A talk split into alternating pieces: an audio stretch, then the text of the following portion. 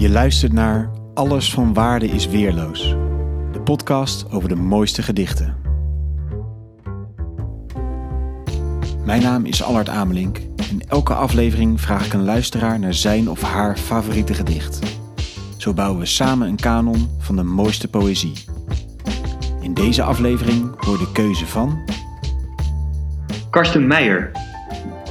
Dag Karsten, wat leuk dat je meedoet aan deze podcast. Dankjewel Allard, ik vind het ook uh, erg leuk. Mooi, mooi. Hey, en uh, welk gedicht heb je uitgekozen voor ons? Uh, het gedicht heet Poëzie is kinderspel. En het is van de dichter aan wie deze podcast zijn naam ontleent, namelijk Lucebert. Heel mooi. Die het gedicht schreef, alles, de zeer oude zingt.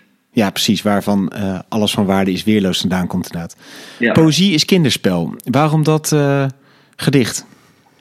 Ja, um, het is een gedicht dat ik las toen ik, ik schat 16 of uh, 17 jaar was. En ik merkte dat ik toen ik het las uh, meteen helemaal in het gedicht uh, gezogen werd door de taal. En ik denk vooral dat de raadselachtigheid en tegelijkertijd de eenvoud ervan me, ja, me nog, nog steeds fascineert. inmiddels, en inmiddels ben ik twee keer zo oud als 16. Dus dat is wel bijzonder. En um, ja, het gedicht heeft een bepaalde uh, heeft een boodschap die, die ik natuurlijk nu eigenlijk niet zo goed kan uitspreken als het, gezicht, als het gedicht zelf doet. Die heeft me altijd aangesproken en dat is zoiets als ja, voor poëzie of misschien een beetje magie in het leven heb je een bepaalde kinderlijke en tegelijkertijd kosmische houding nodig. Um, ja, vind dat, mooi, ik vind dat een mooie, mooie benadering. Die doet me ook een beetje denken aan de drie fases van geestelijke ontwikkeling zoals je die eh, vindt in het eh, zen-boeddhisme. Namelijk, je hebt eerst een soort fase in je leven waarin je ontwikkelt aan de hand van een extern perspectief. Je doet wat anderen je opdragen. Daarna kom je in de tweede fase van het leven waarin je een meer intern perspectief inneemt. En doe je wat je zelf wil, verzet je je tegen dat eerste perspectief. En daarna zie je dat zowel het eerste als het tweede perspectief futiel is. Dat het allemaal maar een illusie is van het ego, om het zo, om het zo maar eens te zeggen. En kom je aan bij het, derde perspectief, en dat is het kosmische, kinderlijke perspectief. Ja, en ik, ik heb het gevoel dat Lucebert zoiets wil uitdrukken, uitdrukken in dit uh, gedicht.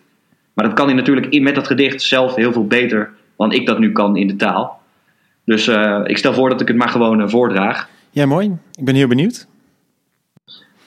Poëzie is kinderspel. Over het krakende ei dwaalt een hemelse bode op zoek naar zijn antipode, en dat zijt gij. Mogelijk dat men op zulk een kleine schaal niet denken kan, het maakt nijdig. Of men is verveeld, dus veel te veilig. Dan is men verloren voor de poëzie. U rest slechts één troost, ligt gij op sterven. Gij verveelt u dan ook niet. En plotseling kan dan pop en bal laat herinnerd u laten weten.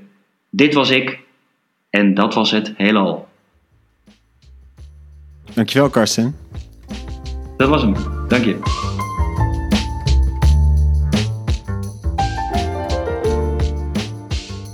Dank voor het luisteren naar Alles van Waarde is Weerloos.